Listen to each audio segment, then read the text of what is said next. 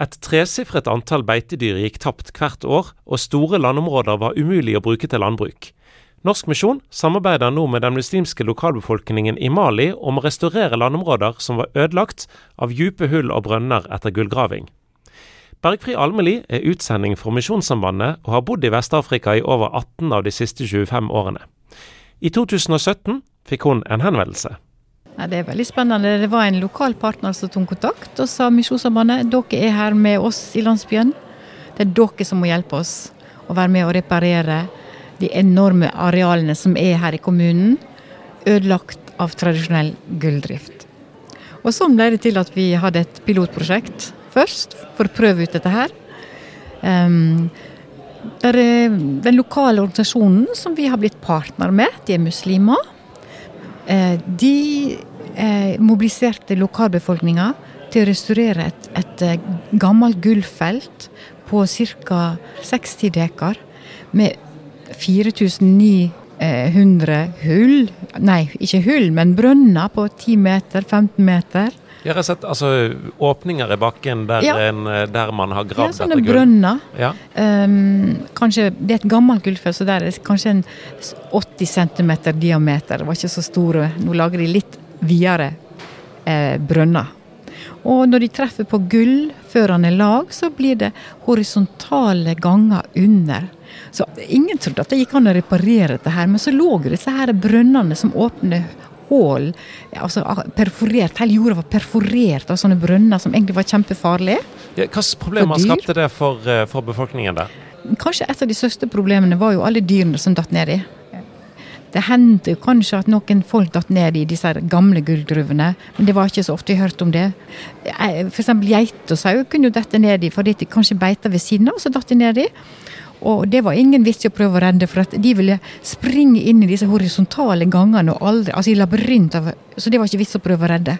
Men hvis ei ku datt nedi, så ville de prøve å gjøre en, en uh, operasjon for å prøve å få kua ut av. Men de mista kanskje i disse her, på det første gullfeltet, eh, de landsbyene som lå ved siden av, de mista kanskje til sammen 100 dyr årlig i, på, disse gamle gullfeltene, som bare lå der som åpne sår i landskapet. Og som du ikke kunne bruke til jordbruk. Det var gode areal, dette her. Sånn som bare lå der. Um, ja. Og så poenget var å restaurere disse arealene tilbake til jordbruk, skogbruk, trygt beiteland. Og eh, Det må jo ha vært en, en, en stor jobb. Eh, hvordan har resultatene vært? Det var en kjempejobb, og det var jo masse folk som var med på dugnad. For det var liksom del av den, det som var den lokale kontribusjon. Hva sier vi på norsk?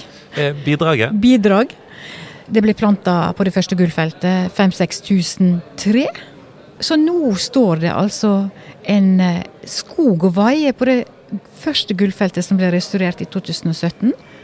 Den er altså sju, åtte, ni meter høy, og kanskje mer. Og det er meldt om kanskje to-tre kyr i året som dør i de landsbyene som før meldte om 100 til sammen. For vi har ikke restaurert alt. Det her er som en demonstrasjon, sånn at folk skjønner at det går an å reparere dette her. Det er mulig, vi kan klare det. Og et annet aspekt som dere jobber med, handler jo òg om, om vann. eh, For dette er et område som har totalt tørke et halvt år eh, Ja. om gangen. Eh, Så det å ta vare på vann er viktig.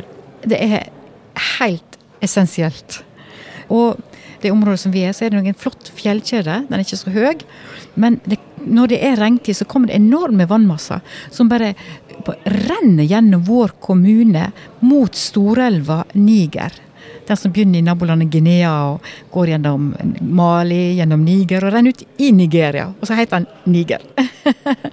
og så er det liksom om å gjøre å stanse mest mulig vann i vår kommune, sånn at den trekker ned til grunnvannet. Og at vi òg klarer å lage ja, eh, lommer i elveløpet der vannet kan bli stående. For at gullgraving det er ofte det er ikke bare graving, men det er gullvasking. Du vasker jorda for å få et gullstøve. Det som ikke responderer på metalldetektorene, det er kanskje litt større. det er Alle drømmer om den store gullklumpen, selvfølgelig. Så, men når du skal ta store mengder med jordmasse og vaske det, så går de til det laveste punktet, og det er jo ofte elvene. Så dersom det var vannføring før i gamle dager, eller at vannet ble stående etter regnet var slutta, utover tørketida, de var fullt med jord. Altså når Noen av de som jobber i prosjektet, når de var barn, så hadde de 24 plasser de kunne ha tørketidsfiske det, på slutten av tørketida. Når det var nesten tomt i basseng. Men nå, før vi begynte prosjektet, så var det kun fire igjen. Så litt av prosjektet vårt har vært å restaurere noen av disse her bassengene i elveløp, sånn at vannet blir stående. Og nå har vi fått til det Vi har brukt bulldoser på det. Eh, og lagd kanskje en totalt ti sånne basseng rundt om i kommunen. Og det er bare fantastisk. De som har hager ved siden av, de forteller at de kan Nå kan de vanne utover tørketida. De behøver ikke bare Eh, prioritere vann fra brønnen sin til et frukttre, men nå kan de òg dyrke grønnsaker lenger utover i tørketida. Det er fisk på slutten av sesongen, like før vannet i bassenget er tomt. Så har de mm, Da kommer alle, den dagen det er annonsert fellesfiske, så kommer alle med sine små fiskeredskaper, og så tømmer de den eh, bassenget for fisk. Og det er fisk som vi Det er ikke noe settefisk her, det bare kommer i elva. Så vi får en protein tilskudd gjennom fisk. Eh, dyreflokker kommer og drikker vann utover tørketida. Dyreflokker, det kan være nomadiske kyreflokker eh, eller lokale ja, jeg tror at fuglene må være kjempelykkelige for det her vannet her. Grunnvannstanden øker. Ja, jeg er så begeistra for det her vannet. Jeg, jeg tar helt av. Jeg, merker merker at begeistringen her er ganske, ja, jeg er ganske stor. Ja. For, det. for, for, du ser det altså bare over de siste få årene at, at dette gjør en forskjell ja. for naturen og for folk der? Ja, enormt. Ja, så det er utrolig spennende. Men, men det at eh, et, et, muslimsk kooperativ kommer og sier til mm. Norsk Luthersk Misjonssamband, som er mm. kristen Hei, vil dere hjelpe oss med dette? Eh, er ikke det litt eh, spesielt? Det er et veldig stort privilegium å få lov til å være en medvandrer på den måten. Um, men jeg tror kanskje det er fordi at det er, laget, det er skapt tillitsbånd av de som har bodd i landsbyen før meg. Relasjoner, masse relasjoner med folk i landsbyen, sånn at de har fått tillit til oss.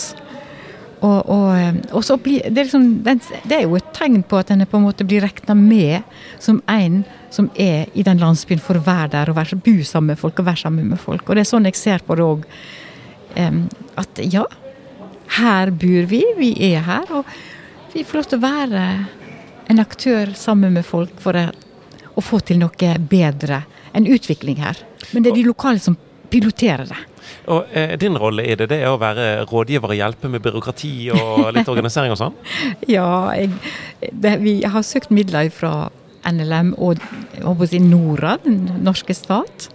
Og der er det mye norsk byråkrati og norske formuleringer, og du må liksom ha søknad på den måten og ikke den måten. Og de skal svare sånn og sånn når du rapporterer og planlegger, og budsjettene skal inn i det Excel-arket der.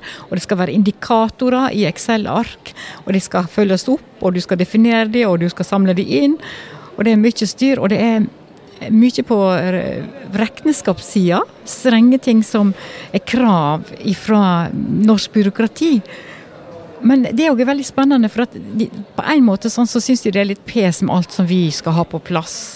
Men de sier at dette her er enorm stor opplæring av oss som en aktør i sivilsamfunnet. Så det, vi, vi, er med også det, I denne landsbyen her, som er liksom det er kanskje ti mil fra storbyen, altså hovedstaden, så er det en liten eh, NGO som holder på å bygge opp ganske bra kompetanse på økonomihåndtering. Så det er veldig spennende. Sant? Og vi har, hvert år har vi kurs i antikorrupsjon med lokale aktører. For vi jobber veldig mye òg med å lage til komiteer som skal ta vare på naturressursene. Så vi får en bærekraftig forvaltning av, av, eh, av naturen da. Og det som vi har vært med og gravd ut basseng, og feltene som vi har eh, restaurert, at de blir skjøtt. At, at skogen ikke brenner, f.eks. Når første skogbrann kommer. Men at vi lager branngater rundt. og Det, det her er sånn lokalbefolkninga sjøl som begynner å, eller får et eierskap til det, og begynner å få en bevissthet om naturforvaltning. At vi må ta vare på naturen hvis, skal, hvis vi skal ha den i morgen. Men selv om mange ting går bra, er det òg store utfordringer. Et internasjonalt gruveselskap har kommet til området der lokalbefolkningen altså har lagt ned stor innsats i å restaurere landområder og elveløp etter gullutvinning. Ja, det stemmer. Det siste året har vært veldig tøft. Vi har jo hatt et prosjekt som skal prøve å mobilisere folk til å ta vare på naturen og reparere naturen. Og plutselig så kom det store internasjonale gruveselskap som hadde løyve til å undersøke om det var gull. De hadde ikke sånn rett til å utnytte gull sånn umiddelbart. Men så var det veldig sånn Plutselig så var de i gang med, med masse bulldosere som gravde enorme krater. Og det var òg i elveløpene. Og ingen visste helt hvem som har gitt dem løyve til ting og sånt, men så skjønner vi litt at det var noen pengestrømmer her og pengestrømmer der. Og de som skulle være med å gi løyve, og plutselig så hadde de kanskje mottatt penger som gjorde at de måtte bære tie til. Kunne ikke gjøre noe. Ja, så det har vært en enorm konflikt. Hele landsbyen er delt i to i forhold til disse her eh, kompaniene som kommer inn og på en måte tar seg til rette. Folk ser at jorda, de mister jorda si. Eh, de, ja, men det har, det har, vært enormt Folk har ikke bare sittet stille og sett på det. Jeg tror faktisk kanskje pga. det her naturforvaltningsprosjektet vårt at en bevissthet har vært skapt, sånn at folk har ikke, bare, finner seg bare ikke i det lenger. De går i demonstrasjonstog i denne landsbybyen vår. Og de, de mobiliserer, og de bare godtar det ikke. Men det, det, det, eh, det har vært kjempetøft også. Vi har måttet skrinlegge noe av det som var i vårt femårsprosjekt. Bl.a. vi skulle lage noen mikrodammer. Eh, der vann kunne bli, bli lagra i mye større omfang enn de små vannbassengene vi har i elvene. For, for å utløse f.eks. potensial for våtmarks, ristyrking, våtmarksridyrking, hagebruk i større skala osv. osv. Det har vi måtte bare legge på is. Vi kan ikke ja, investere så mye penger, og så risikere at de blir fylt med jord fra utgravningene til disse internasjonale Eller bli ødelagt av kvikksølv, f.eks. For, for de bruker kvikksølv til å utvinne gull. Så det her er veldig mange sånne miljømessige utfordringer. I tillegg til det her med problematikken at, at fattige folk mister jorda si. Og Dette er en del av, av jobben din. Og så eh, driver dere òg med eh, tradisjonell misjonsvirksomhet med barnegrupper, ungdomsgrupper osv.? Ja, vi har, eh, vi har ikke så veldig mange ungdomsgrupper, men vi har flere barneklubber hver uke. Eh, vi jobber med lokal malisk eh, ungdomsassosiasjon som vil eh, ha som mål å eh, gi evangeliet til barna. Og der har vi fått med oss en ungdom som er en partner i, i den landsbyen jeg bor i. Som eh, er med å drive fotballklubb. Flere fotballklubber. Og, han er veldig viktig for barneklubbene. Vi har ei lita søndagssamling. Det er ikke så veldig mange som har turt å, å, å si, bli kristen. Det er en landsby med mest muslimer. Eh, men vi får lov å være der. Og vi har òg hatt leirer på den offentlige skolen med masse, hundrevis av barn, 400-600 unger som kommer på de leirene vi har hatt to ganger i året ca. Eh, så det er utrolig spennende.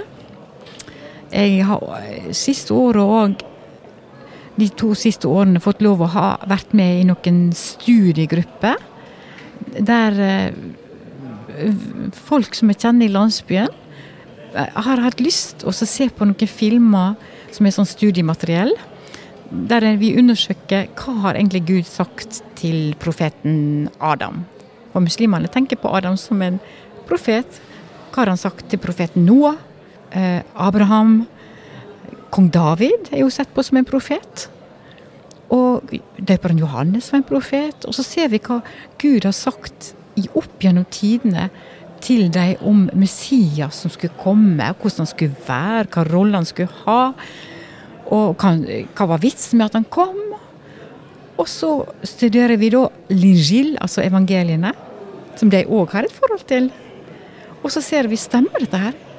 Kan det her passe på Jesus Kristus? Altså, er det han som var Messias, som Gud har tenkt, eller var det ikke det?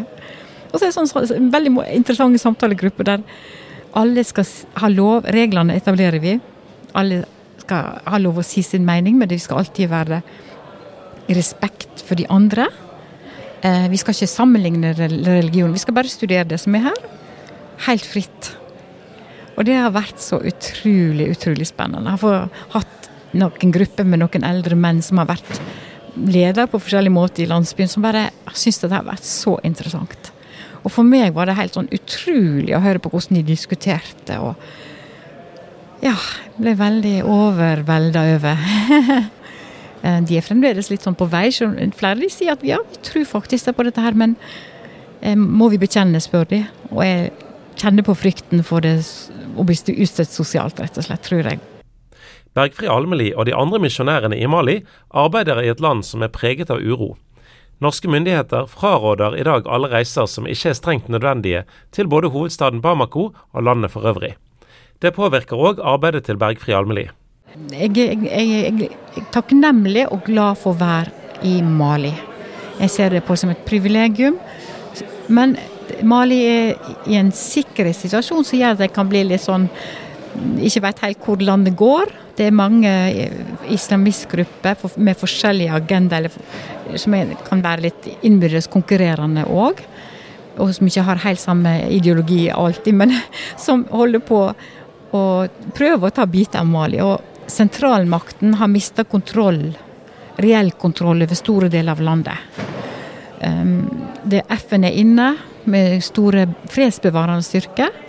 Det er jo sagt at det er en av de mest dødelige operasjonene til FN ever i det hele tatt. Så mm, det er ikke så gode Ja, vi vet ikke helt hvor landet går, men jeg har kjent meg trygg så langt. Men eh, misjonen som jeg jobber for, da, Misjonssambandet, har bedt meg om å være mer i hovedstaden enn i landsbyen.